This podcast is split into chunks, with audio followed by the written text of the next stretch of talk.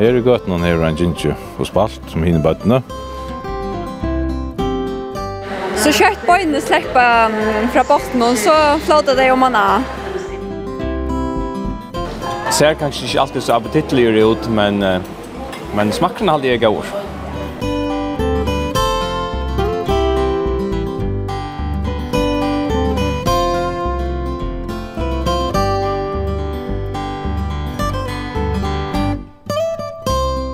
Vekre er av tøy allar fakrasta i morgon, og et løyte låt, solen stavar åman og nian, og det er rattelig høyt. Og utsøyni her i stante og annar i altan er rattelig særligt, sutsi åman iver heimsins kjentasta vatten, Genesaret vatten i Israel. Lesa vi på Biblina, så var det her at Jesus tjekk av vattenen, det var òsne i hesen økjennom eller rundt om hetta vatnet, at han øyna for metta i 5.000 folk vi øyna grøypo og fem breion. Og bant norran fyrir er til fjallet, her Jesus helt til kjent og fjallapratikana. Hinne med vattnet så kjør vi til Gåland hetjaner, og til Lutla Tame som er til er Hita Tame, og vi byggva av en skole her som Åre og Israel og gjør, skolen stender ekvelig vel her vi har utsøyne iver meienparten av Genesaret vattnet. Betre kan det ikke bliva.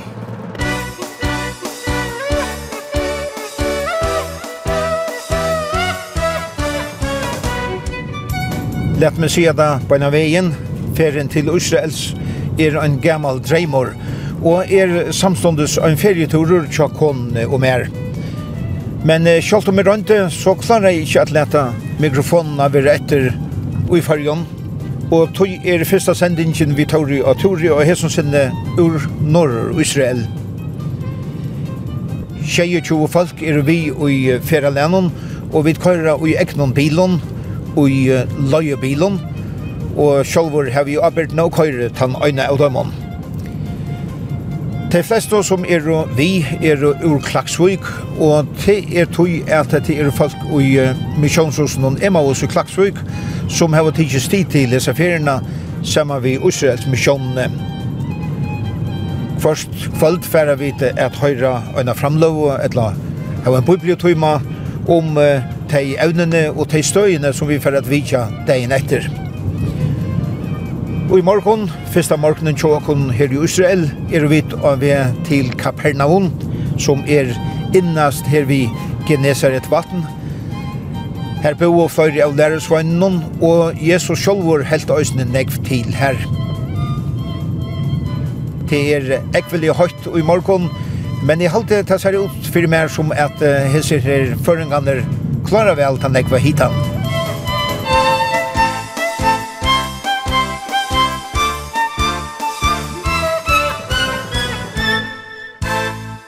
Johan Henriksen, eh, vi tog akkurat finnes en fragrøying. Eh, heter det nok så særlig sted? Ja, altså vi er kommet til norr enten av, av Genesaretvattnet, det er steg som heter Tabka, og her er, kan du nevne særlig tre ting. Det ene er at, at Jesus har mettet til 5000 her aløy, og så øyne at her kattler han lærersveinene her.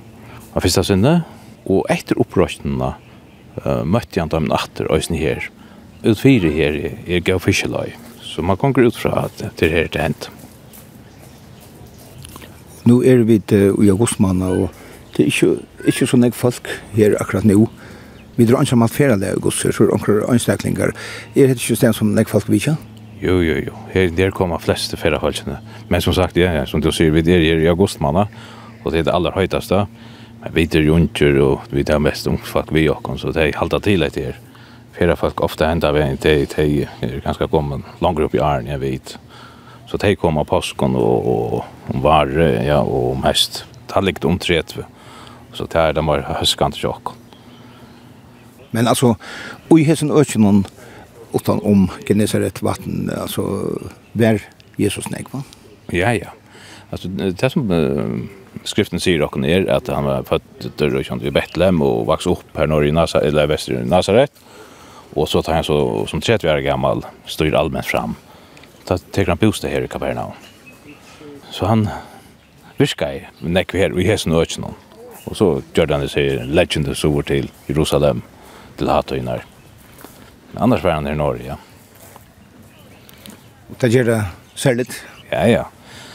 Det tror jag styrkande att, att, att, att, att, att, att, att, att, att, att, att, det er ikke noe eventyr vi tar via gjøre. Det er søvlige hentingar vi leser, og det var helt hent.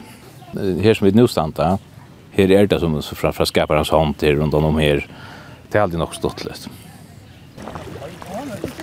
Er vattnet høyt? Her er skaun, du? Her er toppen at du... Hoppa på en av vet. Men han løser seg det kort.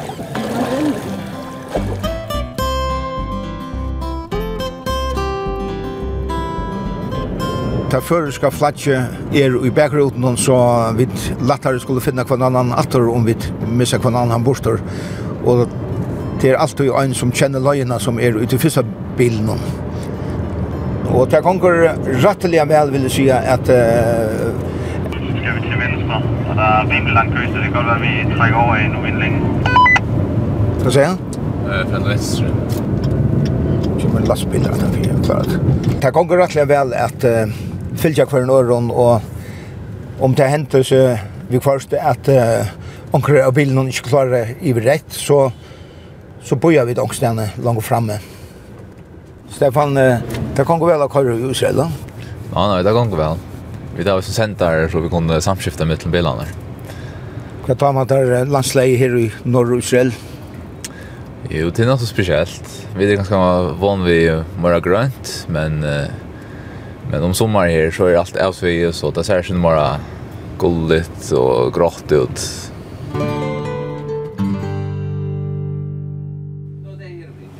This is St. Peter fish.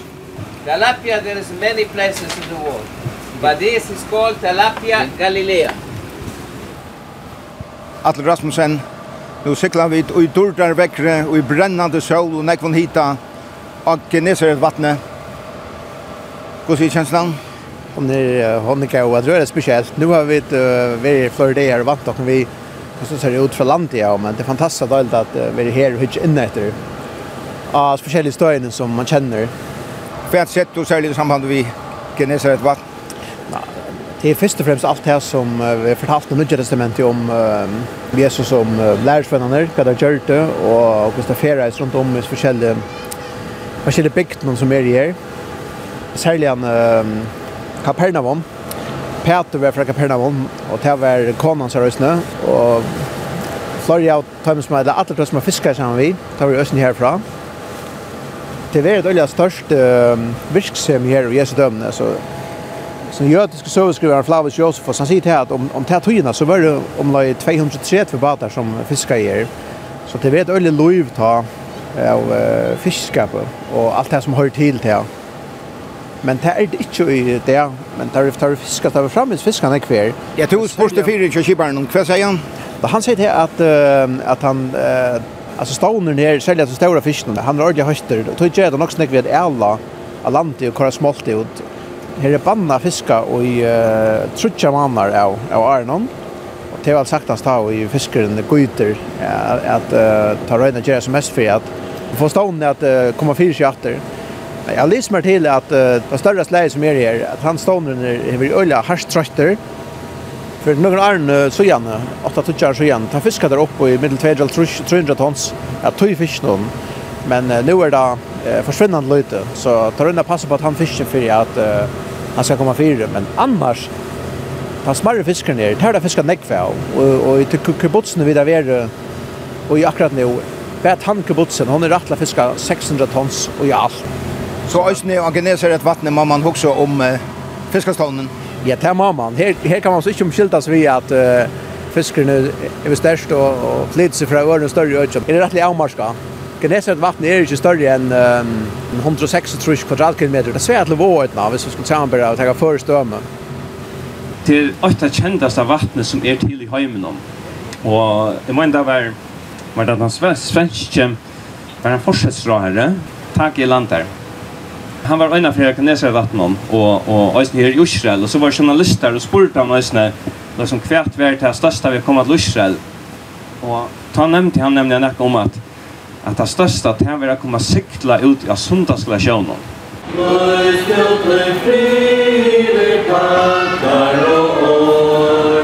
Fader vår for allt för fest. Hatte Petrus fisken. Ja. Skulle du ikke ha fisk? Whole fish, yes, please. Ja, ja, ja. Ja, det er det vi gjør. Nå er det ikke boilet der.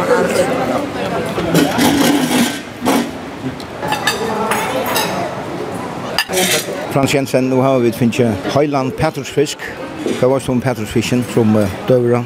Nu har jeg prøvd ofte, vi var ofte i Israel, og förra förra målagalda så boilar ju passfisk. Det dammar skära väl och jag blev boilar ju en höjlandfisk Jag vet ikke hva den är en 25-30 cm.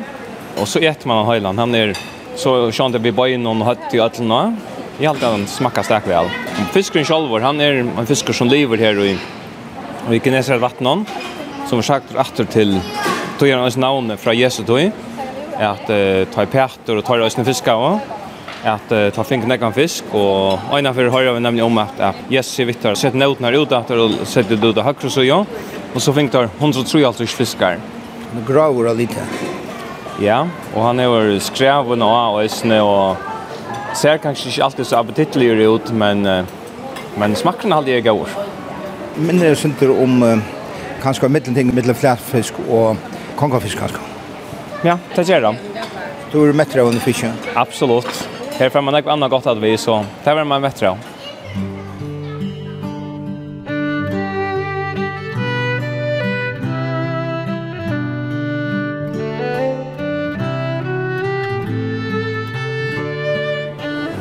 Vi er 30 kilometer fra Jerusalem og ved til Jerusalem, og her er vi stekka ved en lilla bygd som heter Emmaus Nikopolis, og her er uh, utgrefstrar så tje, men det som det sier for å til er at uh, dette er ikke til Emmaus som uh, misjonshus i Klaksvug Øyder som uh, de fleste av folkene som er i ferielænden daglig kommer i. Men uh, jeg tror at navnet er Emmaus, så stekker vi det her. Kom att vi får ta en felas men. Atler. Och så i tvart har det vært skjema det en affär till andra bygd som nämndes Emmaus og var 60 stadier från Jerusalem. Og løgene taler av tar skjønne mittlen om alt dette som tilbores teie. Og det hendte med han tar samtale av å skifte i året med dette, kom Jesus selv til tarra og fævde ferien vid tøymon.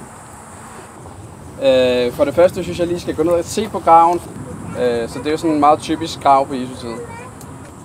Det er synd, men det var bare synd.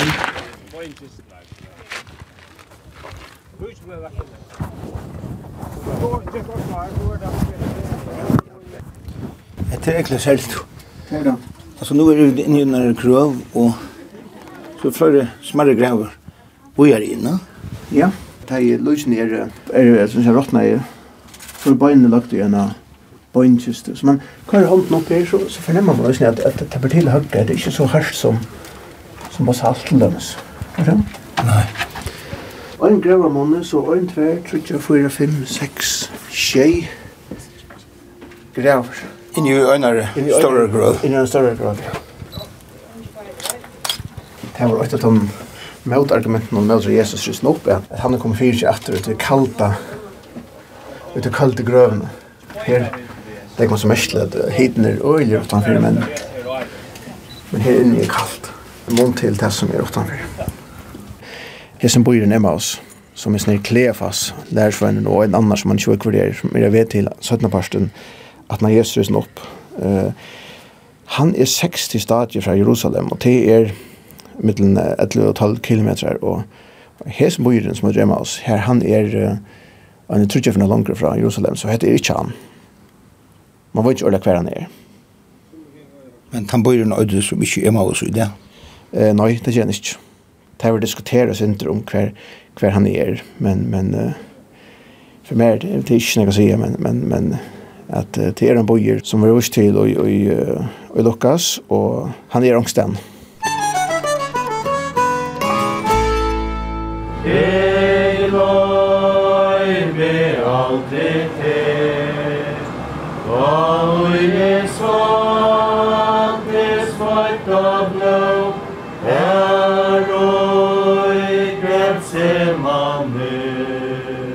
så er vi av tempelplassen i Jerusalem, og her framfor meg er den ekvelige kjente gratemoren som man vera umynden av Jerusalem for mange mennesker kring heimen. Hvordan ofte man ikke ser mynter fra gratemoren. Og det som jødene framvegis grat om, det er at uh, det stora templet som var byggt her, var lagt i øye for nær om 2000 år siden, og så er det ikke særlig at uh, moskéer er omanfyr gratemuren til jødom. Mennene gjør slapp inn her meira til vinstra, og kvinnerne kan komme her til høyre. Og mennene til att det var inn, så ska få dit, at han må ha også bli høyt til noen. En kalott, eller hatt til Här her er kalott her her i vrett de sier for meg at det er lite folk i det, uten jeg vil hitte noen her i augustmåned, at de måtte de pleier å være ofte, men kortene så er rettelig vel av folk som er uh, bi eller lese speklet, og om å lese hardt, som er stand og ria halte ære håndene i muren, og inni innimellom på store søgnene ser man små sammankrølla papperspetter, og her kan man så skriva en bøn. Hva sier du, Atle? Først og før vi kan egentlig kjente gratemuren, hva sier kjenslan? Ja, det er egentlig alverlig alltid, ja. At uh, stand der, jeg kjenner jo onker mindre atter, men, men det er så helt, helt ørve seg at stand der. Og suttja jøtene her, og suttja åndefolk, så har jeg oss innenfor en rom her, eh, at jeg sitter og eller stand, stand og läsa bya och bukka, som ofta ser i Kjönlarsman. Men det är en lönkänsla det er då. Ikke nek år akkurat nu. Hukser ikke noe annet enn en, en, en steg akkurat nu her. Innelig, kjensla.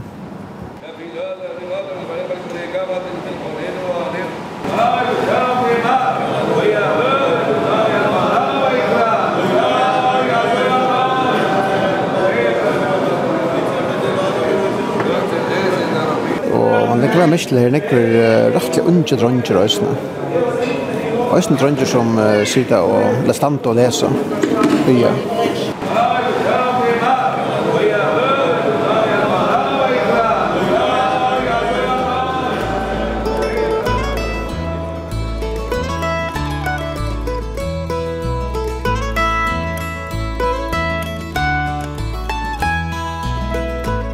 Hesen nutje prøyel i skolen som uh, vi bygger av, var bygger for uh, Trimnaren gjerne, og til er uh, danske fellesskaperen Åre og Israel som øyer hentan skolan.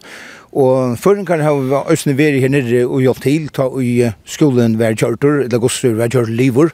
Og en av tøymon var Petra Henriksen. Og Petra, du kjenner at du anker av som trøvnen som er utenom skolan? Ja, yeah. Jeg visste ikke hva det var. Jeg fikk lov at, at sette noen nyr av at jeg visste ikke hva det var. Men nå så ikke jeg at øynene av dem er et granatsurablatre. Og det er faktisk nok så stått litt. Det er sånn særlig for Israel til et granatet. Du sørste alle stedene, og du sørste ut etter maler og konstig og sånt. Så det er alltid ekstra stått litt. Og hvor tror du er langt ivrig oss nå? Ja, ja, ja. Hva tror vi er kroner sitte til? Nei, det minnes ikke at vi var så lengt ivrig. Det er sikkert vi anker annet Men det er kommet rettelig lengt, så ikke. Ja. Så det er ordentlig stått lite. Och det är en stor orsakare. En rettelig stor orsakare. Jeg tror slett ikke å si hur stor han är. Bland alle min rundt om huset. Og her er det jo två hus, han blir storhus. Så det er nekk som växer. Det er et flott, spennende sted. Og, og det er veldig høyt. Jeg sa att jag er är att det allra höjtaste. Och nu upplevde vi så till at att vara her til han där den høyteste jöknusnitts hiten i Malter og i Israel i høver. Ikke den enkeltvise, men mye, altså her over ølhøyt. Men angelen blir en ytla fire? Jo, altså vi har kanskje ikke noe større respekt for at altså etter har vi høtt noen, tar vi dere ute og at drekka. Det sier vi til drekka trutjar for liter om dagen, og det gjør øylet. Men det må vi gjøre, annars er vi pura lost.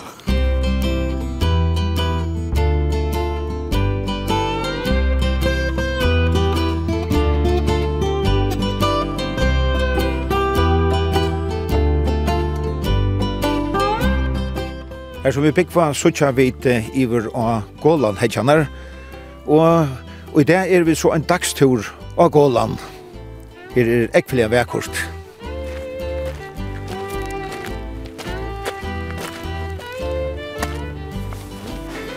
Silas Olsson, nå standa vi her framme for en glasbore, og her er en gripper og en unge. Hette, hette store fokler. Ja, hette er en gasa gammer eller gasa gripper och helt otroligt stora fåglar. Fløy kan være oppi over 30 meter så det er en halv meter nesten. Så det er ikke onkom man brukar ordet här som en krippor, va? Nei, nei, det er ikke onkom, det er en öliga stora fåglar og kommer der ned, så er det nesten så att at man får være hoet öttast, da. Akkurat som en och för för solen som är skotch nästan vi kvörst. Så kan han lägga va? det har ju onkat gjort om alltså. I Europa är det fyra slö av, av gammon och och det största är så eh uh, det som heter munkagrupper som ösnen kan suchas där då. Ja, här är flå ju väl över 30 meter då. Alltså man fåglarna är nästan lika stora. Nu kan vi inte Og kolan hekk noen, tar har vi et hårst nekk om i samband vi krutsk med Israel og, og grannalandene. Er det et rukt foglaløyver? to, her er et rukt fuglaløv, og det skal man sjans si i parentes, tøy. Her er det øyla særlig slø uh, av fuglen som, som har bruk for akkurat det her, nok så torra og lødsinter marska kjenta halande. Tøy kan man sutja tuttlingar som nesten bare livet her til dømes. Tøy hever uh, fuglaslæs som heter Svørst Frankolin, som er en lille høna, som og lever og gjør ned. Så du hever nok så kjølsomslø som har bruk for akkurat slønene av natturen. Vi kan ikke i Slattland, så knapplig så er det en veldig del av bant nyer. Akkurat, og til akkurat så som nekve råfugler dama vel, at vi, det krever nekve orsku ikke at de flikva hvis de skulle flaksa alla tøyna. Men akkurat ui i som delen, her det er sånn oppvindur termiske vinter som fer alla tøyna, og så Så du sørst, altså, tør kun litt jo en tøyma utan av flaksa og en øynaste fyr. Og til simpelthen tøy av fuglene skulle dekka øyla stør øyker for å finne disse deg i djørn som de dømmer i etter. Ja.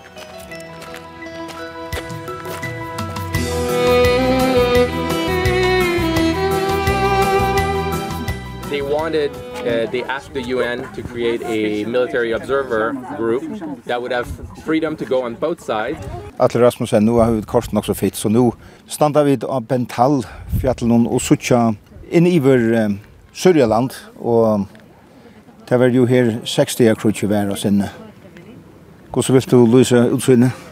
Det er fantastisk flott utsøgne. Vi sitter um, Sindre Estretter i uh, Sørjaland, Vi søtja marsje, det hekkene som er mellom bei landene. Vi søtja et ST-senter som er her i, i Gåland hekkjanar. Vi har også møtt noen ST-bilon, men vi har kors her i Gåland om.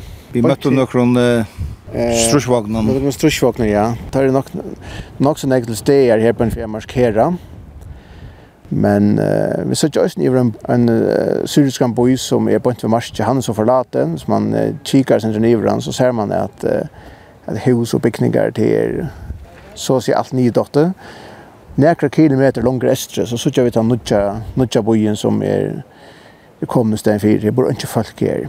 Det er sånn, at for en, en front poster i, i 60 kroner. Kan man du ikke fra nyre? Nei. Jeg tror jeg klarer det. Bombeskudde, ja? Ja, det er bombeskudde, ja. Stoltnest. Ja. Hvis du ikke akkurat det, så synes jeg det skal lykke. Vi tar lengt inn.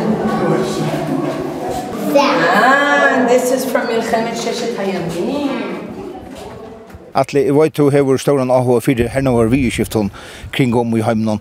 Var det nøyot at Israel tog Golan i 60 krunnen? Ja, ser fra en utsikk kjønna mye, så var det nøyot tog at uh, Syrerne tar vært holdt vi uh, Genesarskjekv i Bont, Bont i Vrev Tiberias Og man er tidligere her bæg for at få en strategisk plassering ved å verja Norr-Israel, og og øysen jeg tek en plattform borster fra Syren til at um, lukka som letjas inn i Israel militært og, og se fra tar sjøna mig kikanera. Men uh, hette det som Israel tog atter i tjeje trus, som de ikke har haft, så igjen, eller jødene ikke har haft, så igjen uh, er tjeje trus. Tar miste igjen atter i uh, Jom Kippur-krynnen. Og hevast nekvar uh, avbendingar om at uh, nekka alvarsamt var under oppsikling, så tro uh, Herløsland og Israel helt ikke mossad på at uh, det var så alvorligt som det var. Så att det så kom fram at uh, kong Hussein av Jordan, han uh, personliga avvärjade Golda Meir om at um, nu var det virkelig en oppsikling, men her hos det så, så valgte jo Israel ikke å ta det så alvorlig som det var, som det var ment. Og det var tru og fjers? Det var 3 år. Alltså det heter det fjällhus standa nu och det blev urumpla på ena vägen av syron och det är bara stort hus så är urselsjer trångt helt åter till där som är vär i Arnsheitrush Arnsheitrush helt vi Tiberias. Den stora venten hände där femte dagen Og eh, det som en av færløyeren her fortaler, fortaler fra, og som det syrer ikke her med vittne om, det er at det har kommet til uh, Tiberias. Så ikke det er en stauran her og stekka av og tar blir så vittner om at djevast og, og venta. Og hvis jeg er der så sier jeg så til jeg søtten at her og ikke her i ver. Hva er det det som er? Jeg tenker hos spurninger. Tror man på god så eh, har man gav grunn til å sikva at eh, han er vi og i eh, tøy på akkurat mat. Og det tykker vi vel kan hente. Hvordan er det nå å stande her for første fyr? det er mersligt, det er øyelig mersligt. Jeg har bare sett mynter uh, fra, fra krokshandlingen her, og så det ser det ikke ut nå, bestemt ikke. Men vi vet at, at, at ikke lengt inn med marsje, så fyrir ganger det er fruktelige ting, og her er sørste selja islamske stater som, som tenker seg fram. Og negast i Europa, mersje av døysene, streimen av, av, av flyktningene som, som kommer fra til landene som er hin med marsjer.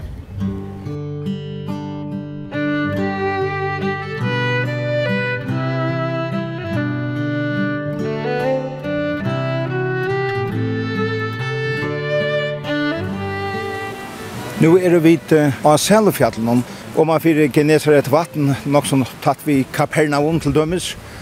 Det var her Jesus helt sønna kjent og fjallapratiko, som vi ofte endurgiven og lysen opp ur bøyblinne. Et sted som nek fyrir folk løyda seg til, som koma til Israels. Og Da man tåsar om fjallaprætikina, så har vi alltid hukse om at det er oppi en verlig fjallet, men dette er ikke særlig høgt dette her. Og vi er ikke holdt her oppe av fjallene. Sæler teg i hunkra og tyst etter rattvise til at de skulle være mekta. Sæler teg miskunn somo til at de skulle miskunn fåa. Sæl er det hjärsta røyna til at de skulle sutja god. Det hjärtans takk nu fyrir deg, nøyn Jesus. Og her, som sånn ekve er stenne, som uh, de kjente om støyene ur Bibelen er å hava ganske særlig katolikker, røst, kyrkjer og halvjudomar. Her er så en katolsk kyrkja her som Jesus helt fjallapratikene. Og her er det katolskar nonner som grøya falt fra.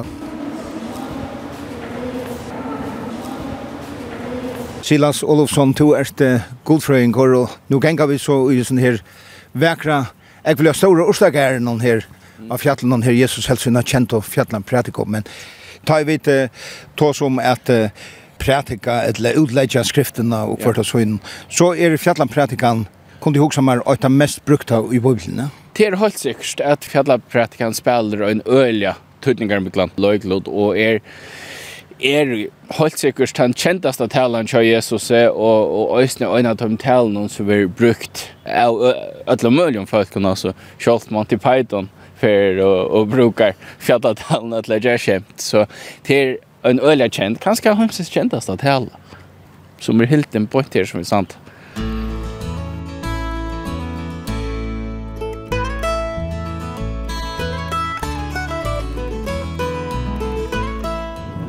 Og i kvöld har vi så vært i en arabisk brittleipe og i en bygd vi kineser et vatten bussføreren Josef, som er mammabodje til brorena Bjøan Jokon.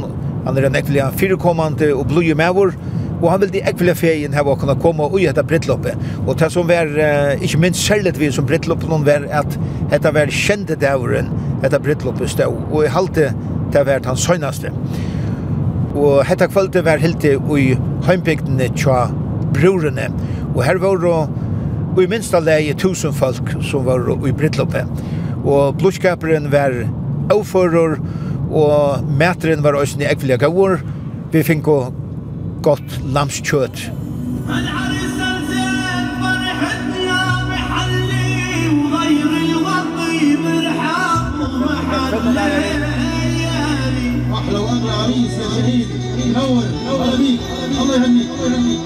Anita Gregersen Hvordan var det å være i arabiskon brittlepp her i Geneseret vatten? Det var fantastiskt. Det var ordentligt stått litt, och det är fantastiskt. Vi tar til først äta och så får vi uh, sätta oss ut i havan. Vänner för sig och kvinnor för sig. Och så bojer vi faktiskt och så dansar venner först och så, ja, så kom brorpæren, och så stod vi og danser alt sammen ved det er noe spesielt. Er det Ørvis som danser enn i førjen? Ja, utrolig Ørvis. Det er mer fest og ganske, så det er mer råka litt ganske. De danser rått om pære og danser ring og alt det der. Så dette var en, et minnelig kvöld? Ja, helt sikkert. Og blodskapen var stor? Ja, det var det. Det er sikkert fyra vi finner vatten og finner mat og alt det, høyla alt tøyna. Så det var ordentlig døylt. Det har varit så ovant att det kom att det kom upp på. Det var ju via skralne så vi fick vita man där vi skulle bryta upp. Det gör det kanske upp att man är lite. Ja, helt säkert.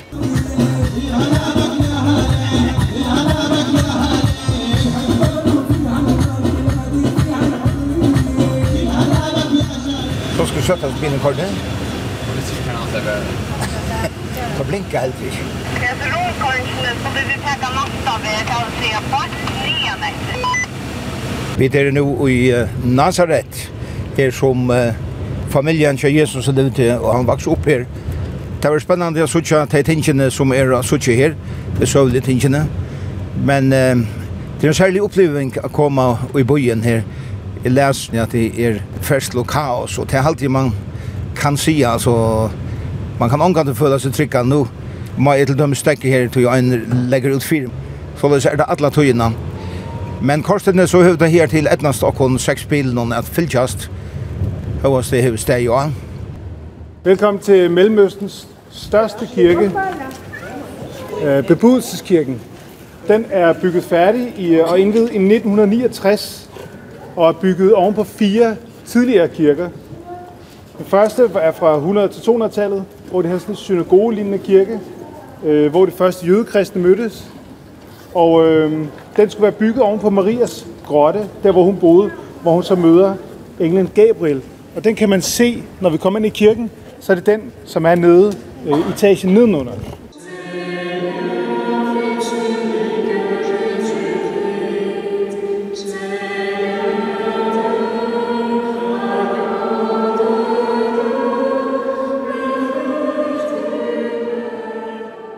Johan Henriksen Nazaret hever en ekla sentralan løyklot i Bibelen.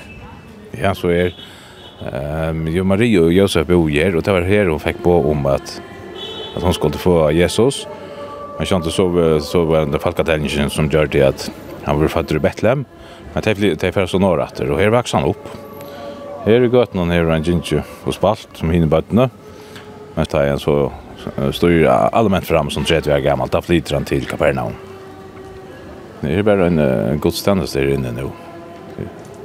Det stender faktisk ikke frukt for. Om det ikke har en god standard her, så, så får det lov til det. Men jeg hørte at det var gøyere akustikker her inne.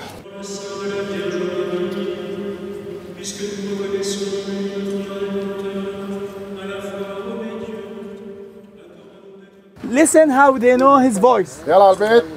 Yalla. Yalla, hey.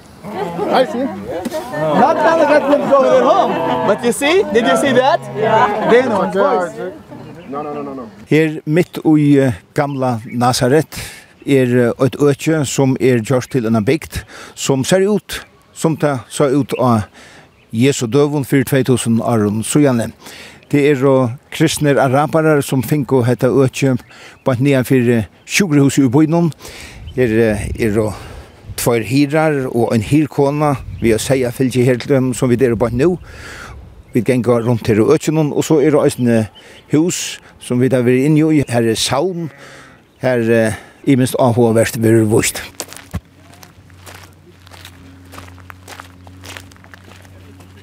Fyra løyere tjåkene i det er Filip Danen som er løyere i danske husen om her vid bygva vi i vatten.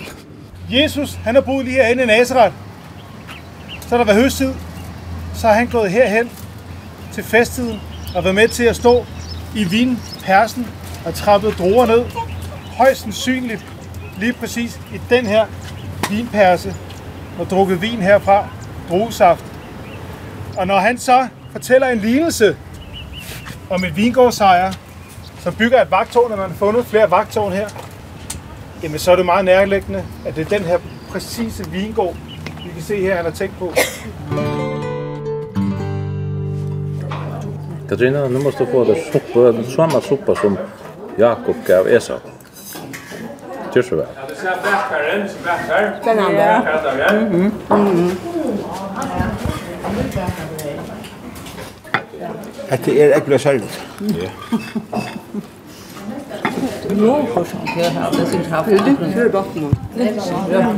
Linsesuppa.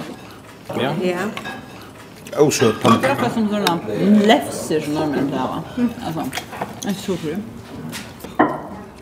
Marna Ellenskog Jensen, nu är vi akkurat lio att äta her i Nazareth Village, og det ble sagt fram om at dette er alt uh, ratter fra Jesu tog. Hva er det som vi da vet? Ja, vi tar og finner brei som ser ut til å være bæka noe som pannekaker, men det er ikke søtt, noe som nanbrei. Og så har vi finner linsesopan og hummus og akkurat krydd som er blandet på yoghurt og noen gursgrøsene. Og så har vi også finner oliven, grønne oliven som vekser her i Nazareth Village. Og så har vi også en olje hver og i sesamkotten er blandet på og akkurat krydd som ikke er hva det er. Og man har finner vi surrebler som var skåren, og det kunne man dippa i en blanding av datlon, fikon og hunange halvtid. Ja, hvordan smaker jeg? Ser jeg vel. Jeg er positivt overrasket. Mett. Hette er det samme som tar åter for 2000 år siden. Jeg røyner det jo å holde fast vid det som var galtende da av Jesu døven. Men jeg råkner jo også øyne til å ete kjøtt ordentlig.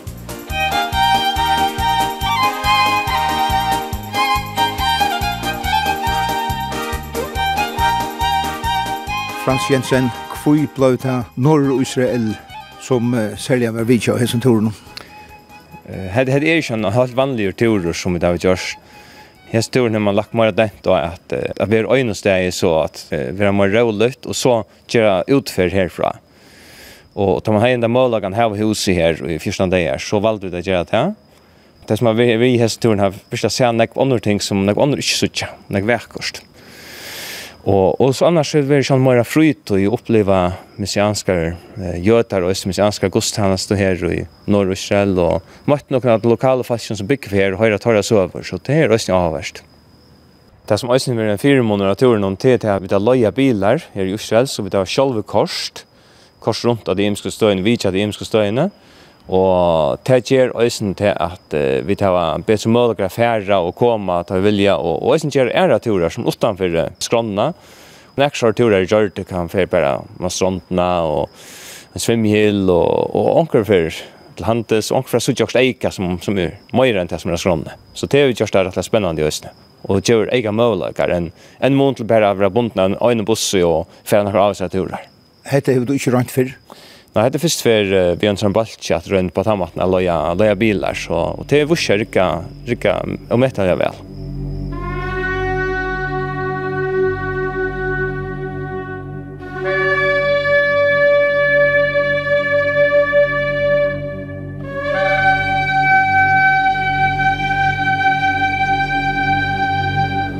Nu er vi i Jericho. Og der kører vi vi busse tog at det her er uh, ikke helt vandalest å komme ved privatbilen, sier det er høyeste at det er frialig til bunnen, men, men uh, til dømes israelske bilar er ikke vel satt her. Jeg leser i posten at uh, Jericho er helst han eldste bojeren i heimen som alle togene fra byrjan av hever vært bygtor, og er altså den bojeren i heimen som er langst under vannskorpene, og her midt inne i landen, 230 metrar nedanfor vannskorpene.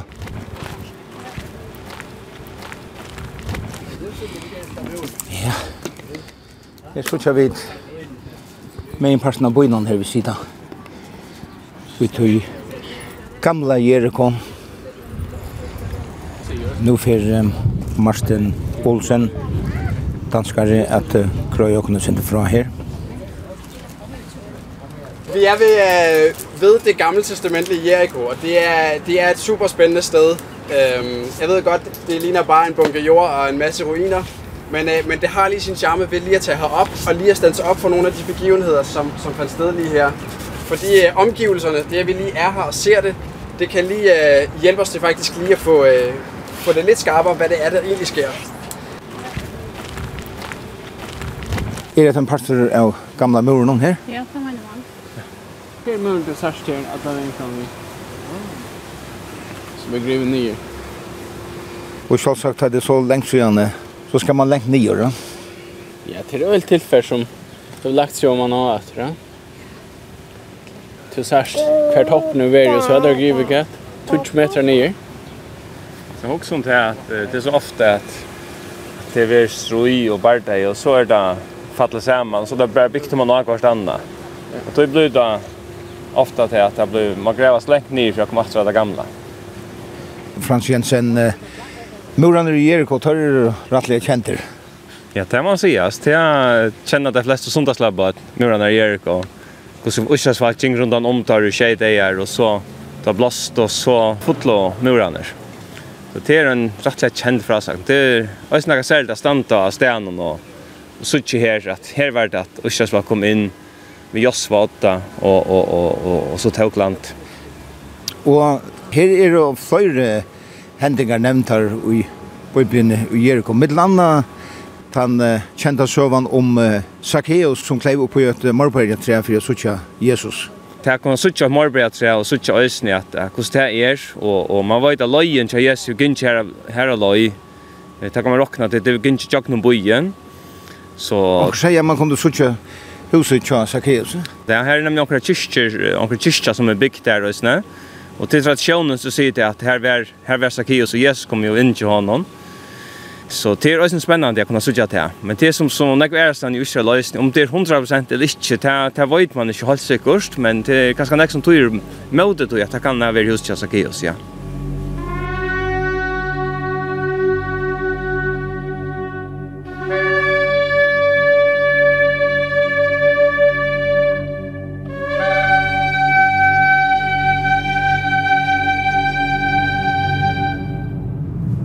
onkur hefur sagt fyrir mér at ein uh, halv fjers prosent av tog som skriva vi om i gamla testamentet fyrir fram langårsordene og at ein halv fjers prosent av tog som skriva vi om i nutja testamentet fyrir fram her norr i alløyene om så er har vi ikkje kanna men uh, det er neivan ohugsante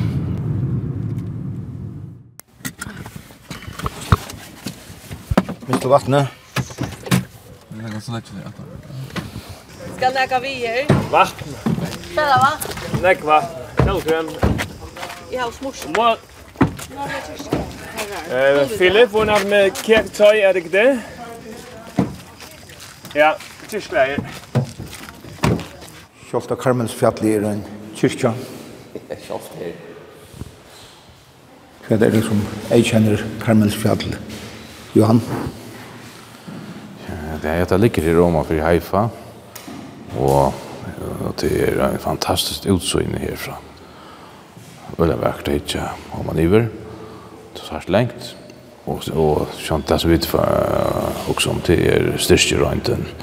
Her er Karmel, Midtlen, Baals profeter og Elia. Så er vi til at han av Salomon om 800-900 fyrir Krist. Hvordan enda i det? det kom torsker, og torskeren var det en trøy år. Og så kalla i Elia palsprofeterna skjermen, og då så skulle der offra. Der skulle gjøre alt klart, men ikke sette eld av. Og han god som så sværa i vi eld. Han var god.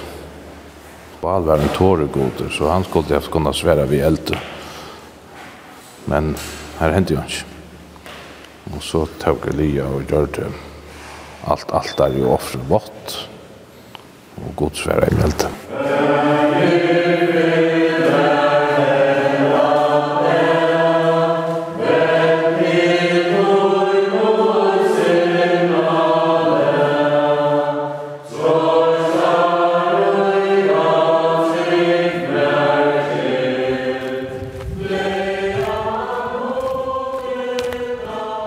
det er ekvelig hodtekande å genge her mittlen moranar, her som uh, Herodotus han store lät bytja en borg, eller til Nekmøren en borg, det er en høyde bojor, han er bygd her ute vid Mialhavet, vi er i Kesarea vid havet, som det øyder,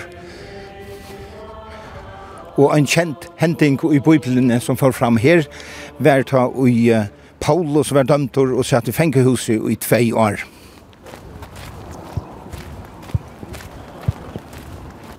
utrolig hotekande. Nekver av muren og standa framvis oppe. I det størst økje framvis strandene. Og anker sier firmaer bant nå at og her som på innom bo i Østene Pontius Pilatus som dømte Jesus. Okay. Det er altså her Paulus øh, kommer ind for retten foran Agrippa og Felix. Det er det her, den bygning, der har ligget her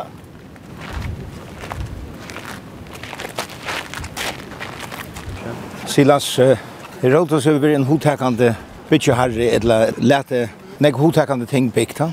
Det må man säga, han ständer att han för bojen här, här han bygger en havn, här var det naturligt. De stod arbetslöser. Så har de också skett upp att att han bara skulle rymma en parstad hämt någon nyer och bygga upp att det för att halda det igång så det styrt upprörst. Men han har ju så funnit på Han er rikve av oss ned større byggeprosjekten rundt om og i, og i Israel og i hans her økje da. Så ta er satt vakter fra Herodes. Og han er jo også kjentur i samband med Jesus. Ja, han er kjentur i samband med Jesus og, uh, og Hostus Kaisera som var lukket som middepel i byen her, men han og i, og i, og i Jerusalem fick byggt detta väldigt stora tempel ja. Så han så och Sean han var själv halver jöte. Eh eller hej jötes bond. Och han mäknar lugga som bäge att att lugga som eh, att vara näka fyra jötar och fyra romvärjar utan att för när klotor kom det lugga som oj tjono. Ja, och nu kommer vi så in i uh, sorgt amfiteater som uh, Herodes byggde. Ja. Det er ikke minst hodtakande. Дружбы народов союз вековой, партия Ленина, сила народа.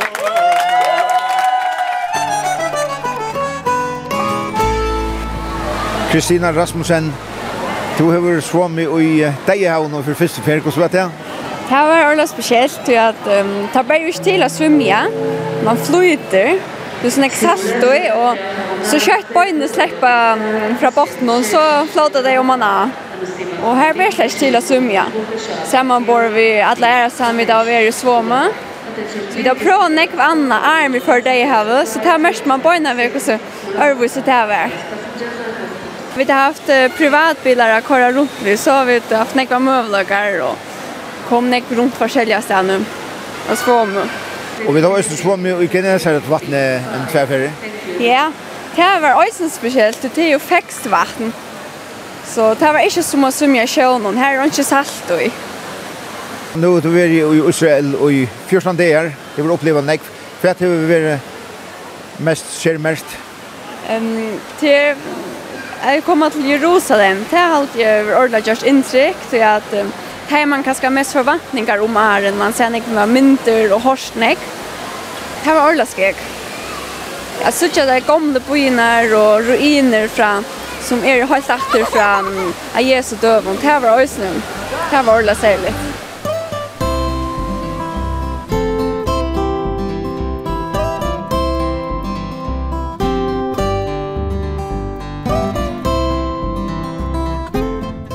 Hetta vart her jeg har valt at taka vi frá ferðinni og i Israel, hóast við å nekv anna øysne. Ein minneligur og hendingarugur túrur. Vi tar og túri verður atur i útvarpnum om Øyna viko, ta vi tja vit Øyna bygd i Førjon. Vi tar rast.